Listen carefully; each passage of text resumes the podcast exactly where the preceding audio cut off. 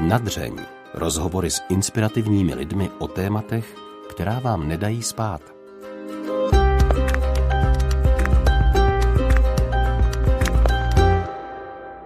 Do prvního prosincového dílu pořadu Nadřeň přijala pozvání Anna Štičková. Vyrůstala v Sudetech s maminkou a babičkou, od kterých slýchala vyprávění o svých židovských předcích. V dospívání ji její středoškolští učitelé přivedli ke katolické komunitě, ve které ale nakonec našla víru svých předků. Mluvili jsme spolu o tom, jestli je židovský bůh jiný než ten křesťanský, jak ji formovala setkání se strýčkem, který prošel koncentračním táborem a probrali jsme třeba i to, jaké to je být v Česku mladou židovkou. Dobrý poslech přeje Ondřej Havlíček. Anna Štičková je dnes hostem pořadu Nadřeň. Dobrý den, vítejte. Dobrý den, moc se těším. Děkuji za pozvání.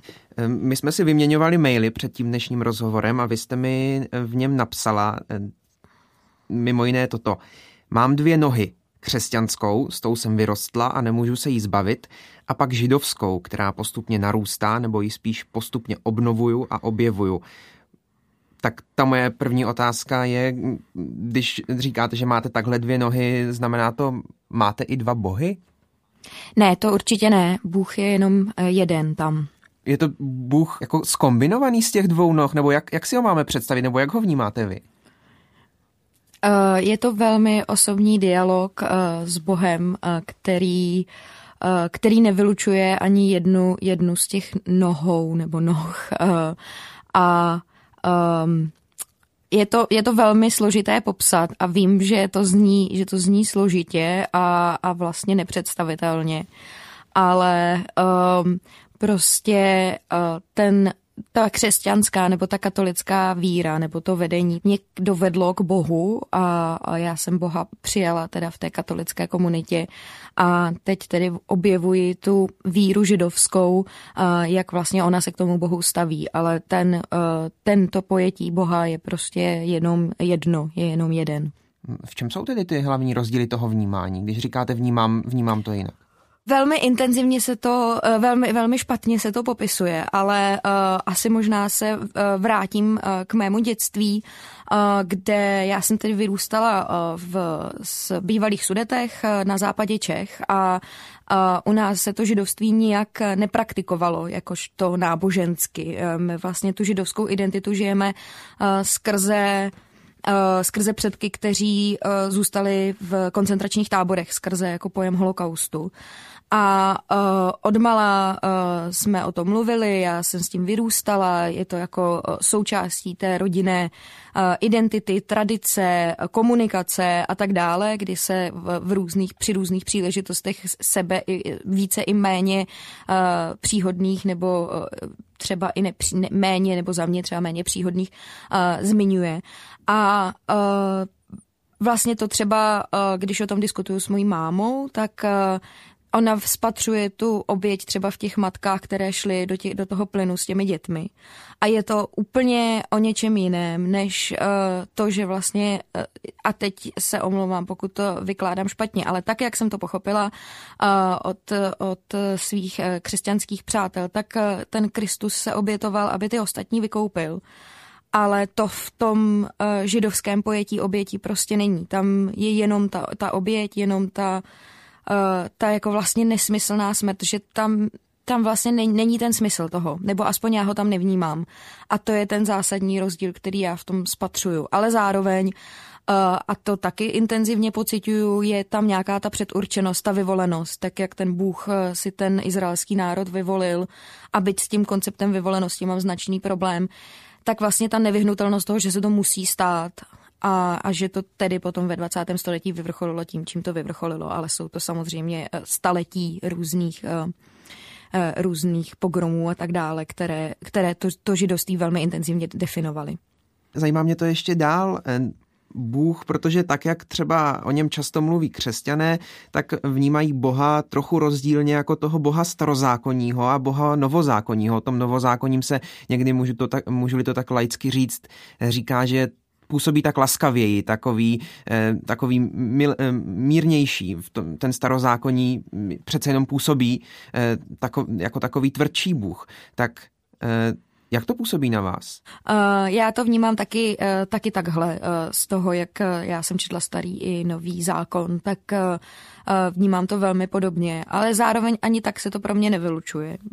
Ale samozřejmě mám blíž k tomu starému zákonu. Ale paradoxně toho Boha asi pojímám víc křesťanského hlediska. Vidím ho taky lásky plněji, než ho vidí ten starý zákon.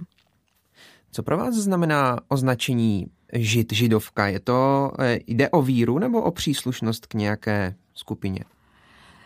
To je strašně těžké říct jako jakkoliv obecně. Můžu opravdu mluvit jenom ze svého hlediska, protože se do toho samozřejmě ještě zamotává eh, problematika eh, izraelského státu a každý to má jinak, takže rovnou předesílám, že to je můj, můj pohled. A v tuhle chvíli už to jako od dětství nebo od, od kamžiku, kdy jsem si začala uvědomovat, že to naši rodinu nějakým způsobem eh, opravdu definuje, a, tak eh, jsem to vnímala spíše spojenou, spojené s tou identitou, ale uh, v tuhle chvíli už to vnímám i spojeno s tím náboženstvím. A, a vlastně se to jako vzájemně doplňuje a nějakým způsobem to synergicky funguje. Kdy jste si začala uvědomovat, že to vaši rodinu nějak ovlivňuje? Velmi brzy. Eh, já jsem ještě zažila uh, strýčka, který k nám jezdil z Holandska, který měl vytetované číslo a prošel uh, několika koncentračními tábory a, a byl neuvěřitelně pozitivní a, a jeho životní síla jako, jako malou holku mě odzbrojovala. Ale velmi, velmi jako brzy. Opravdu jako v raných letech mého života už jsem vnímala, vůbec jsem nevěděla, co je koncentrační tábor, neznala jsem uh, ty příběhy a tak dále, ale nebo okrajově, ale uvědomovala jsem si, že to je něco, co naši rodinu poznamenalo, že to je nějaký odkaz um, že to je nějaký odkaz, který jednak nás definuje a jednak nás nějakým způsobem vyzývá k tomu, abychom nějakým způsobem žili uh, a samozřejmě nějak jako ideálně dobře a naplněně a tak dále. A zároveň a to je možná trochu kontroverzní, obzvlášť, se to bude poslouchat moje maminka, ale vnímám a čím dál víc si to uvědomuju, že uh, trochu taky trpíme možná tím, nebo já to jako pocituju, že, že ti naši předci, kteří uh, to přežili a, a my jsme jejich potomci, uh, trpěli možná trochu i tím, um, i, i tím pocitem toho, že vlastně uh, jsou, že teď úplně přesně ne, nemám ty slova, ale tak, jak to i popisuje odborná literatura, že ti přeživší vlastně trpěli tím, že přežili a jiní nepřežili. A mám pocit, že se to projevuje i u nás té rodině, že nás to definuje. A nějak eh, prostě, eh, no, definuje náš život, no. Cítila jste to jako malá z maminky? Říkáte, že hm, jste zároveň cítila od eh, strýčka, který k vám jezdil z Holandska ten, tu důležitost židovství ve vaší rodině a tu návaznost.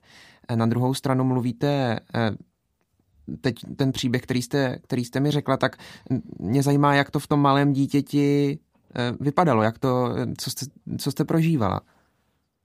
Já bych jenom ještě, eh, já na to hned odpovím, ale jenom vy jste říkal tu potřebu židovství a já spíš to vnímám jako potřebu toho Uh, nebo že já to vnímám jako ten opravdu ten holokaust, jo, protože naše rodina už před válkou byla uh, sekularizovaná, uh, slavili se Vánoce, nějakým způsobem se ty vysoké svátky dodržovaly, především kvůli uh, praprababičce, to popisuje můj dědeček v nějakých vzpomínkách, které máme nahrané, ale, ale uh, můj dědeček říká v těch vzpomínkách, že byl stokrát Čechem a pak teprve jednou Židem. Uh, takže ani ne tak to židovství, jako právě tu, tu zkušenost toho holokaustu.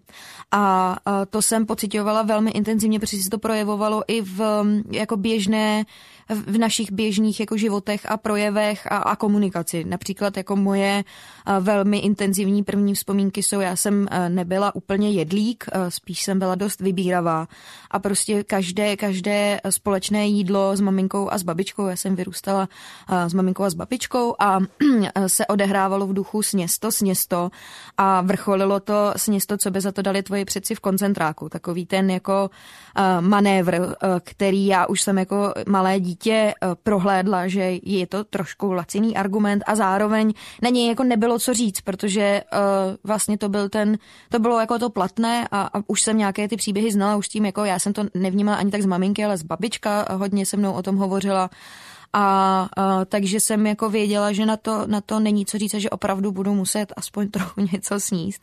Ale i v těchto jako běžných situacích si nějakým způsobem odkazovalo a odkazuje uh, na to, že jsme prostě přeživší nějaké jako, nebo jsme nějaká generace při, po, po těch přeživších, nebo další generace těch přeživších a že se k tomu máme nějak jako, že jiné, jiné rodiny a jiní členové naší rodiny to štěstí neměli a že tím pádem uh, by bylo dobré uh, vlastně se k tomu stavět zodpovědně, k tomu životu a, a i k tomu odkazu a tak dále. A teď uh, trošku přes to jídlo je to takové jako hloupé ukazovat, ale lepší příklad mě teď nenapadá, ale zároveň to jídlo samozřejmě bylo, bylo velké téma a, a musím říct, že um, vnímám, že, že, uh, že to třeba popisuje i ten dědeček uh, v, tom, v těch vzpomínkách, že, že to jídlo prostě bylo velké téma pro ně jako celoživotně tím, jak vlastně trpěli nedostatkem v těch uh, lágrech.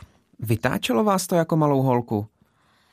Ne, nevytáčelo. Uh, já jsem to, to určitě ne. Uh, mě od jak živa příběhy fascinovaly. Uh, já jsem stvoření příběhové, takže já jsem to z těch babiček naopak ještě tahala, i teda z druhé babičky.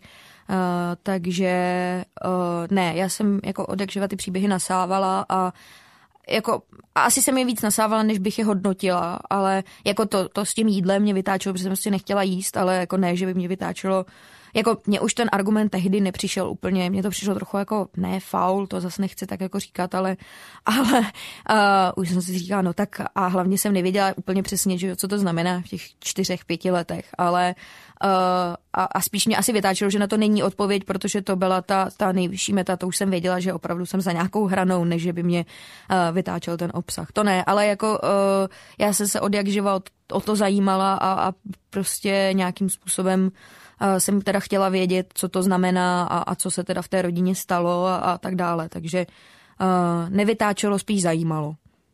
Projevovalo se ta návaznost na vaše židovské předky u vás v rodině ještě nějak jinak než vyprávěním příběhu a třeba dáváním těch přirovnání, nebo to bylo všechno?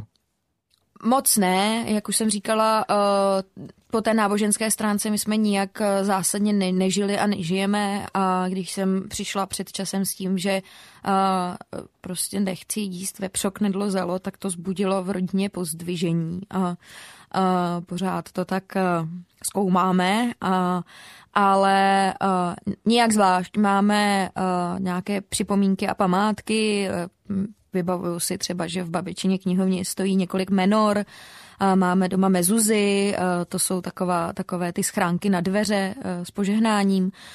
A uh, připomínáme si Chanuku a, a Pesach, ale spíš tak, jako že si vzpomeneme, než že bychom, než že bychom praktikovali. To teď právě já zkoumám a, a zkouším a já třeba držím šábes pravidelně a teď jsem trávila nebo trávím karanténu nebo lockdown uh, u našich, uh, u, u, u, u rodiny mé mámy a vlastně mám dvě mladší sestry a s těmi peču chalu a, a držíme ten šábes a vlastně je to hrozně fajn, ale jako zavádím, nebo teď je to také blbé slovo, ale uh, přináším to do té rodiny teď asi víc já, ale jako nebyla ta potřeba, myslím. Tím, že ta rodina byla ještě před tou válkou vlastně už, už mnohem víc česká než židovská, tak uh, se ty tradice tam prostě neudržely, takže tam se jako ani podle tradice, ani jako to náboženství uh, jako nežije u nás v rodině nějak zásadně. Ale myslím si, že každý z, z mých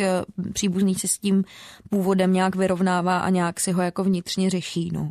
To, to pozoruju taky, že se děje. Teď jsme mluvili o tom židovství. Eh, napadá mě ještě otázka, jestli když se eh, nepraktikovalo nějak dál židovství, tak mluvilo se třeba nějak o Bohu v rodině, když jste byla malá? Ne, ne, já ne, nemluvilo, moc ne. Uh, myslím si, a uh, třeba se jako hluboce pletu, ale myslím si, že i moje máma, i moje babička nějakým způsobem v Boha věří, že, že je to jako rozporuplný. Měli jsme kvůli tomu s mojí třeba mámou jako intenzivní rozhovory uh, a uh, ona říká, že, a snad se nebude zlovit, že to říkám, ale že prostě je pro ní složité věřit v Boha, když ten Bůh eh, dopustil to, že ty mámy šly s těmi dětmi do, do toho plynu a, a neoddělili se od nich a umírali jim s těmi dětmi v náručí. A že tomu nerozumí, že to ten Bůh mohl dopustit a, a tak se to pro ní vylučuje. Ale zároveň, eh, když mám nějakou těžkost a, a volá mi, tak jednak eh, jako eh, se samozřejmě zeptá, jestli mám co jíst a jsem teple oblečená, jak už to tak židovské maminky dělají a pak řekne, že Bůh na nás nakládá jenom to, co um, můžeme unést. Takže já ji trochu podezřívám, že někde to tam jako je a, a jenom je to nějaký jako rozpor, který je pochopitelný, protože tu otázku, um, kterou ona, ona jako argumentuje, kterou ona vyslovuje, samozřejmě nějakým způsobem řešíme všichni. A, uh, ale jinak se nemluvilo o tom. Já jsem opravdu vyrůstala v um, tom pohraničí, kde chodit do kostela bylo podezřelý a uh, kde vlastně o Bohu se nemluví a je to do dneška jako naprosto Bohem zapomenutý a, a jako bohem zapomenutý, ještě úplně si nejsem jistá, ale spíš, že na boha se tam zapomnělo, asi takhle. Že ten, ty, ty lidi, kteří tam žijou, vlastně toho boha nemají, nebo jsou tam nějaké komunity, ale, ale je to trochu bezútěšné ještě když tam jsou ty zaniklé vesnice a tak dále, takže eh, nemluvilo, protože to nepatřilo ke koloritu maloměsta, kde jsem vyrůstala. Taky si myslím, že to je tím.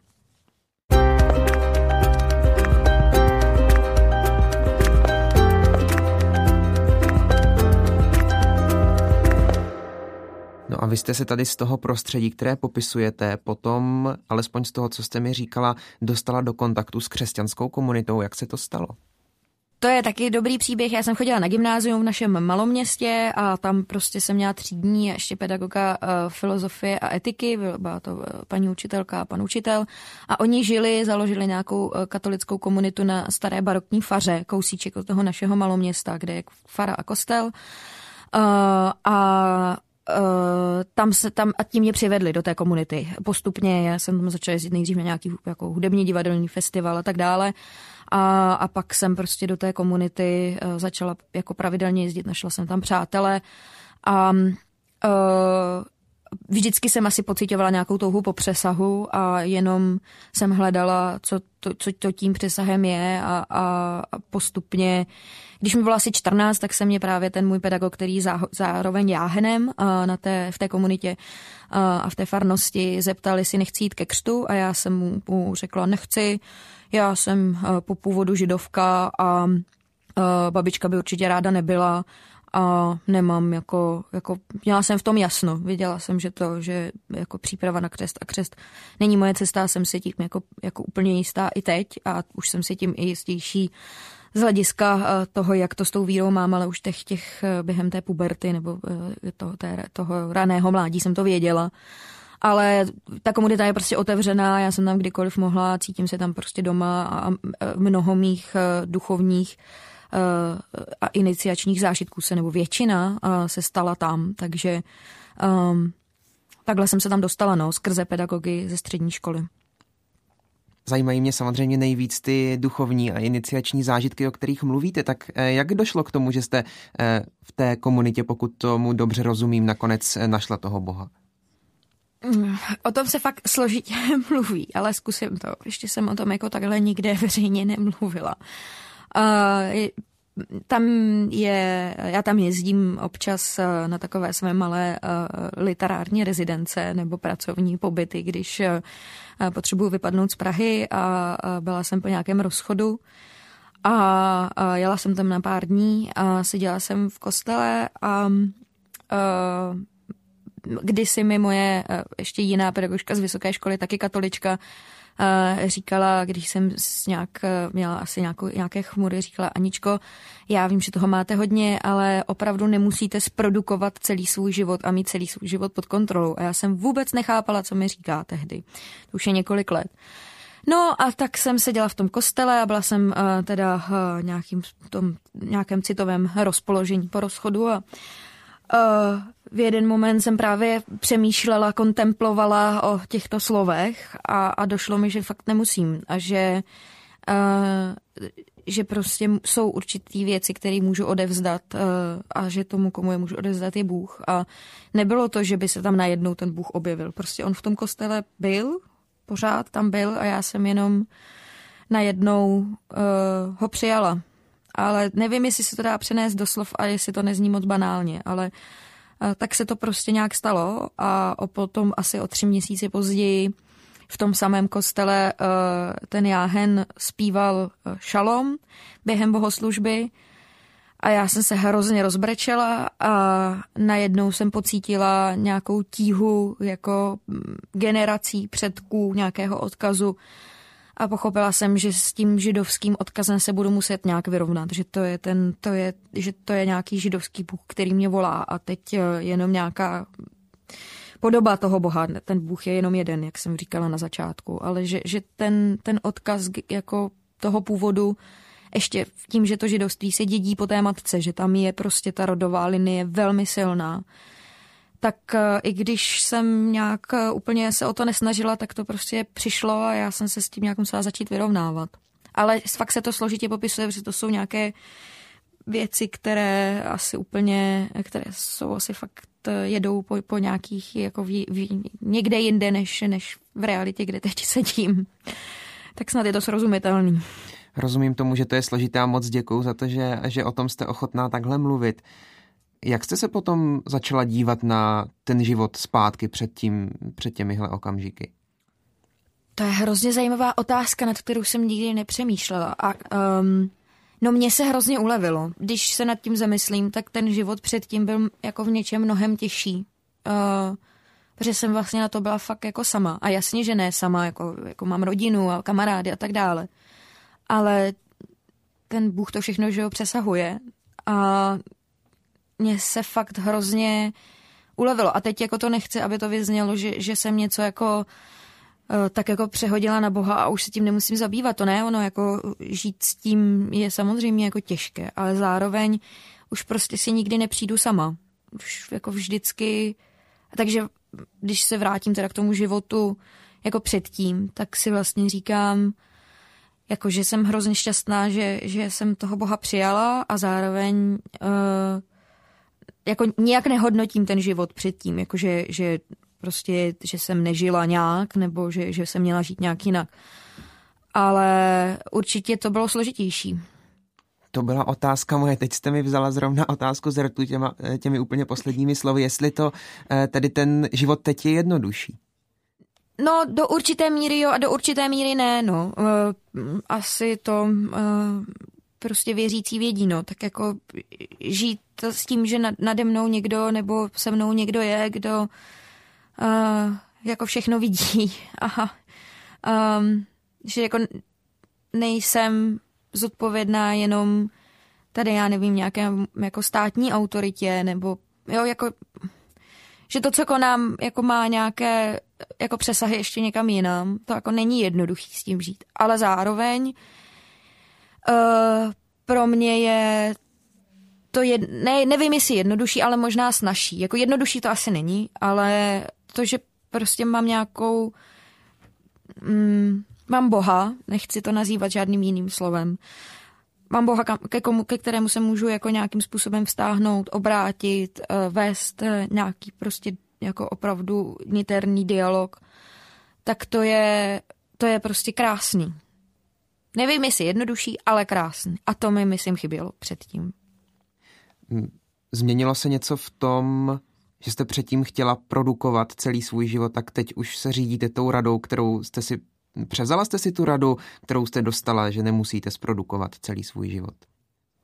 Jo, velmi, velmi intenzivně. Uh, prostě učím se to pořád a, a jako neříkám, že, že jsem úplně v tom mistr světa, ale uh, jako určitě jo. Uh, mnohem jako v tomhle to je v něčem jednodušší, že prostě nemusím jako všechno vědět a že, že si můžu říct, no tak prostě se uvidí a, a věřím, že, že jako ten záměr tam je a že ten nějaký smysl ten, jako tomu ten Bůh dává a že i když já třeba ten smysl nevidím a, a nevím, jak se k tomu teď postavit, tak věřím, jako, že, že mě tím nějak jako provede a, a že musím se chovat zodpovědně a, a neznamená to jako něco jako pustit a říct, už se mě to netýká, to ne, ale, ale jako snažím se žít zodpovědně a zároveň s tím, že, že nemusím uh, opravdu všechno vědět a, a jako o všem rozhodnout a tak dále.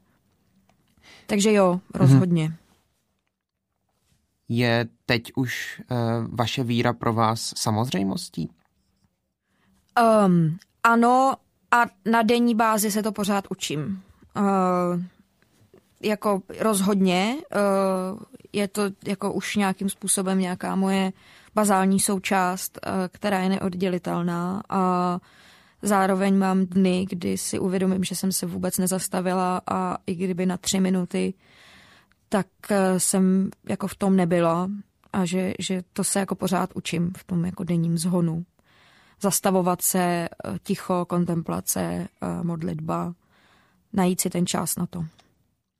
A vidíte před sebou třeba nějaký cíl, eh, do kterého byste ráda dorazila? Teď myslím v tom ohledu, o kterém jsme teď mluvili. Třeba, že, nás, že vidíte nedokonalosti nebo třeba ne, nesamozřejmost té víry v tom každodenním životě. Tak jaký je ten cíl, kterého byste ráda jednou dosáhla?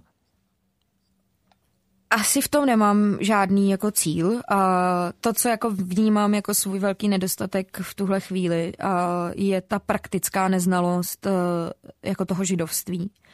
Uh, protože byť e, si nohu odřezávat nebudu, tak vím, že prostě ke křtu jít nemůžu, uh, protože pro mě jako Kristus Mesiáš není.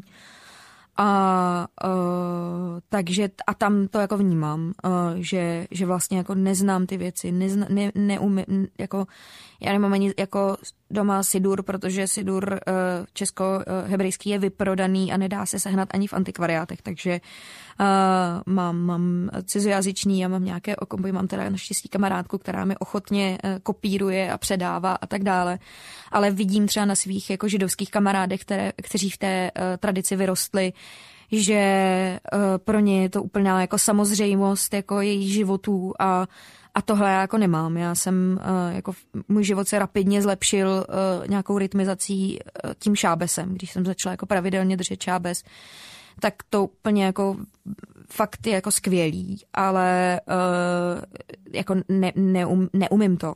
Prostě no, tohle jako vnímám, že mi chybí a že, že to postupně nějakým způsobem objevuju. Ale není to jednoduchý. Co na ten váš nevím, jestli to tak můžu nazvat přerod eh, nebo návrat k židovství, eh, říkali ostatní eh, členové té katolické komunity. Tam to úplně přijali jako uh, přirozené. Uh, jako já mám hodně katolických kamarádů, uh, a nejen z té komunity, ale i, i z vysoké školy a tak dále. Uh, pohybuju se v literárním prostředí, kde, kde katolíků je opravdu hodně. A tam to vlastně všichni jako považovali za úplně smysluplné a, a že vlastně se můžu potom rozhodnout. Když přijdu někam, kde mě neznají, tak uh, s tím přirovnáním k těm dvěma nohám se na mě tak jako ti židé pokývají a, a řeknou mi, že ale třeba jednou si přece budu muset vybrat a stejně tak ti katolíci se tak jako podívají, ale, ale jako přátelé, co mě znají jako roky a, a odmala a tak dále, tak uh, úplně uh, teď uh, mám status komunitní židovky v, v, té, v té komunitě v, v těch sudetech a, a je to úplně, mm, úplně prostě to funguje, takže to Eh, to je, tam, tam to ne, paradoxně to v rodině způsobilo větší pozdvižení než, než u mých katolických přátel.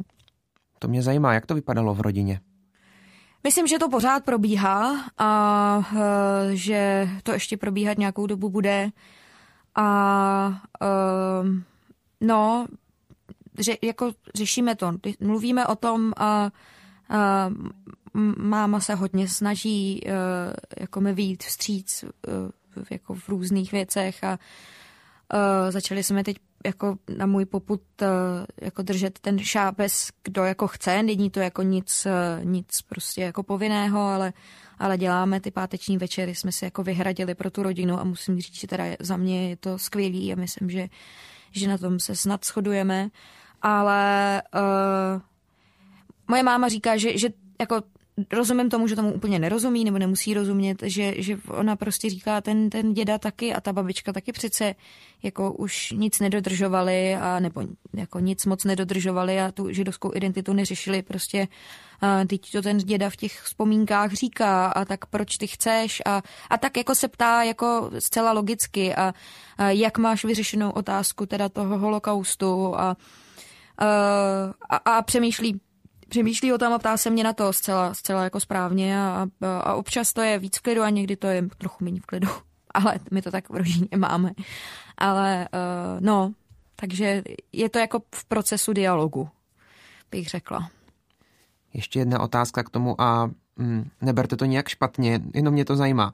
E, protože tak, jak já na to koukám, tak vy jste vlastně prožila postupně poměrně rychle za sebou dvě konverze. Nejdřív e, tu v toho křesťanského boha, potom v toho židovského, tak není prostě možné, že za čas přijde, přijde další konverze třeba k úplně jinému náboženství?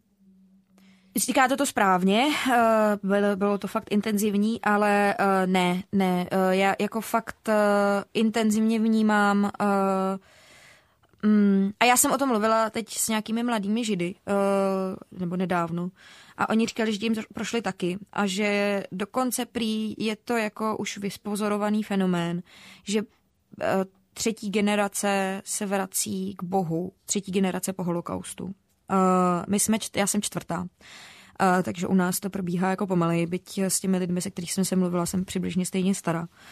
A uh, tím, že to židovství je tak moc zatíženo na tu rodovou linii, tak já, i kdybych sebe víc chtěla, a musím se přiznat, že ne, že bych se nesnažila někdy, uh, tak se toho jako nemůžu říct, tak já to dědictví fakt vnímám jako, že, že to, to prostě, to nejde. Já to nedokážu popsat, ale uh, jako já už jsem se tak narodila. Jako jsem další v řadě, jako Uh, já to s dětmi mám komplikované, ale zároveň si uvědomuji, že uh, teď jsem se bavila s nějakou kamarádkou o, o adopci a uh, já si jako uvědomuji, že, že to židostí se prostě předává z matky na dceru a, nebo na děti a ta dcera je ten, kdo předává to židostí dál. A já to beru jako velký závazek a, a něco, čeho se jako nemůžu zříct, i kdybych prostě mohla a chtěla a ani teda nechci, ale že to nejde. Takže nemyslím si. Jako ne, nemůžu to vyloučit, ale zároveň eh, já se jako cítím, jak v tom teď jsem a jak to židoství objevuju velmi, jakože přicházím domů. Jako kdybyste se po dlouhý cestě, která trvala asi i několik generací, prostě vracel domů.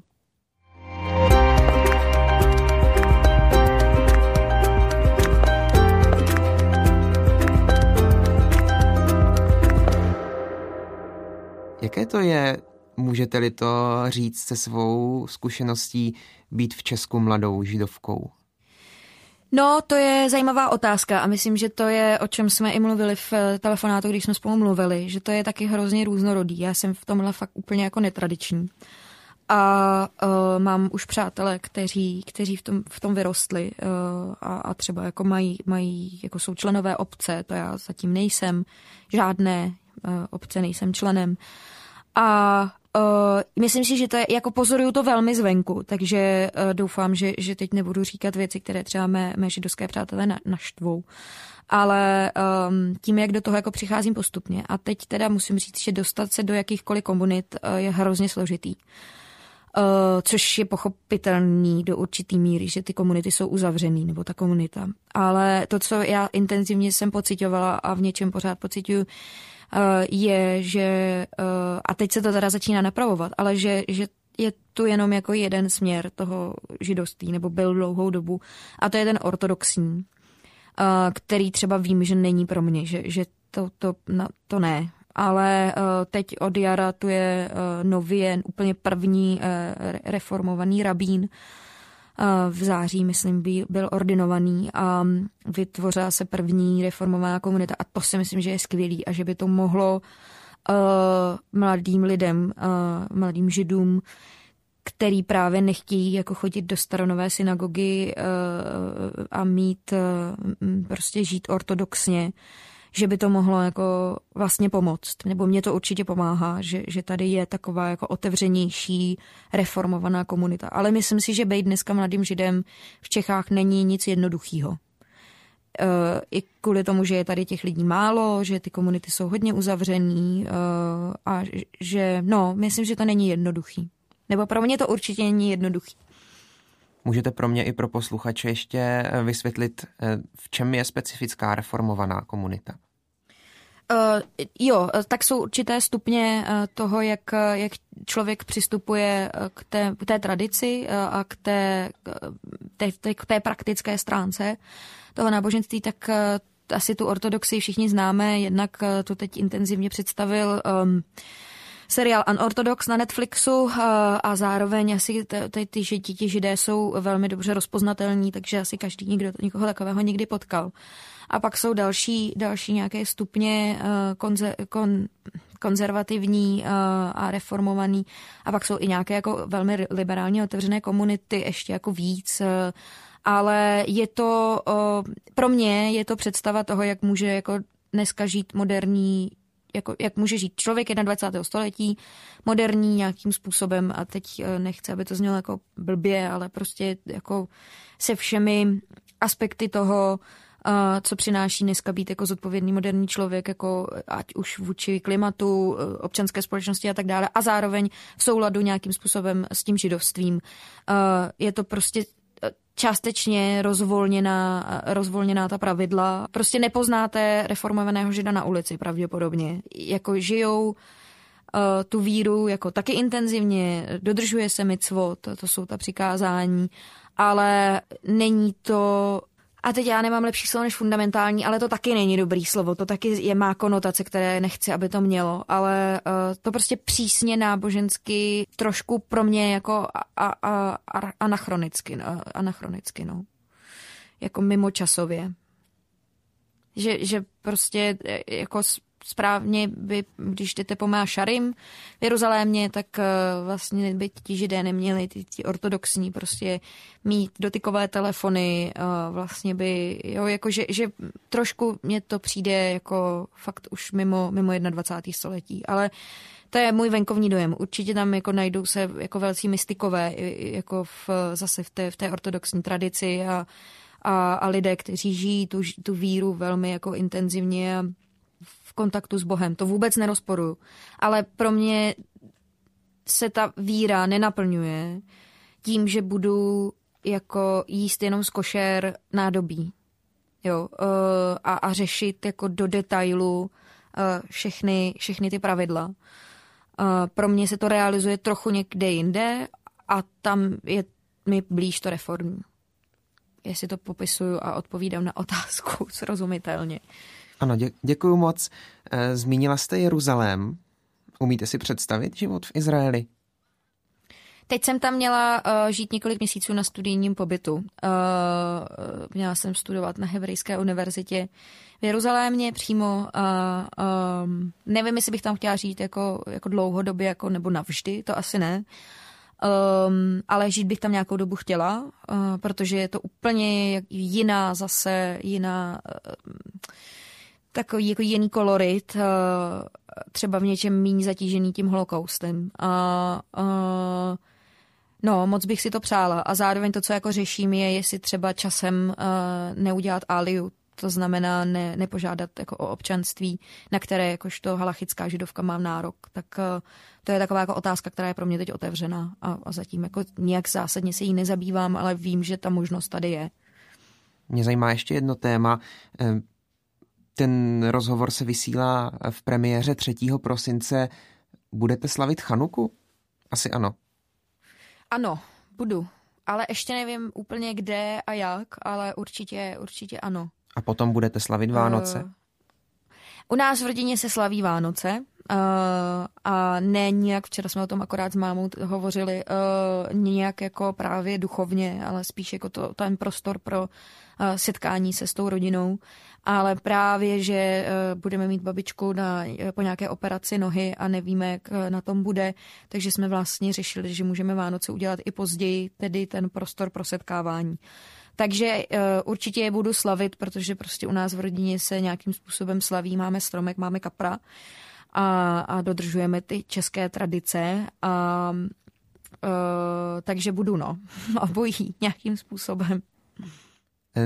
Zmatek už to ve vás asi nevytváří, mám pocit po tom rozhovoru, protože eh, to jsou prostě ty vaše dvě nohy. Je to tak. Já jako mám uh, ještě velmi blízkou kamarádku, která vyrostla v rodině, uh, kde je tatínek žid a maminka křesťanka. a sešli jsme se právě, to je ta kamarádka, která mi pomáhá s tím objevováním praktického židovství. A uh, právě když jsme se potkali a úplně jako odhalili tohle, že máme ty dvě nohy, ona to začala to, tohle moje přirovnání používat, uh, tak jsme se samozřejmě mnohokrát bavili i o tom, jestli si musíme někdy vybrat, protože uh, ti lidé, ať už katolíci nebo židé, vám řeknou, že vlastně byste měli velmi často, ne všichni, ale velmi často, ale zatím to po nás ten Bůh nechce. Takže pro mě se to jako Sama tomu nerozumím a pokud bych to se snažila postihnout rozumem, tak si myslím, že to vlastně nejde a že se to musí nutně vylučovat. Ale e, pozoruju to a zatím prostě nikdo po mně nechce a, a teď opravdu myslím toho Boha, abych se jedné z těch nohou jako zřekla. A myslím, že to jako nejde, že nemůžu se zříct něčeho, k čem jsem vyrostla a to je ta křesťanská. Uh, a zároveň nemůžu se zříct něčeho, jak jsem se narodila a to je ta židovská. Neumím si to vůbec představit a za, nevylučuje se to zatím, no. Ale třeba si budu jednou muset vybrat. Moje úplně poslední otázka. Máte nějakou radu pro své 20-leté já? No, nesnaž se zprodukovat ten život celý a, a asi víc se zastavuj a mlčno. Myslím, že uh, to ticho uh, je mo- moc, mocná, uh, mocná věc nebo záležitost říká Anna Štičková, byla dnes hostem pořadu na dřeň. Díky moc za váš čas. Děkuji moc za pozvání. Zastavit se a najít ticho. Normálně bych vám stejně jako Anna Štičková také popřál, abyste si zvlášť v adventním čase vyhradili čas sami pro sebe. Po prožitých měsících v karanténě a odloučení od ostatních naopak přeji nám všem, abychom ze své samoty dokázali vykročit a navázat na vztahy a přátelství z dob předcovidových. Na závěr patří poděkování Aně Štičkové za velkou odvahu svěřit se nám se svým příběhem. Za redakční spolupráci děkuji Haně Kašpárkové, za zvukovou režii Antonínu Kánskému.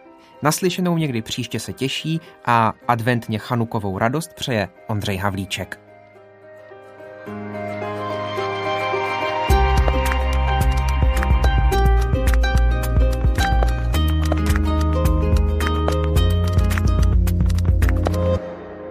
Podcast na dřeň vzniká na Radiu Proglas, které žije z darů posluchačů. Pokud nás chcete podpořit, budeme rádi.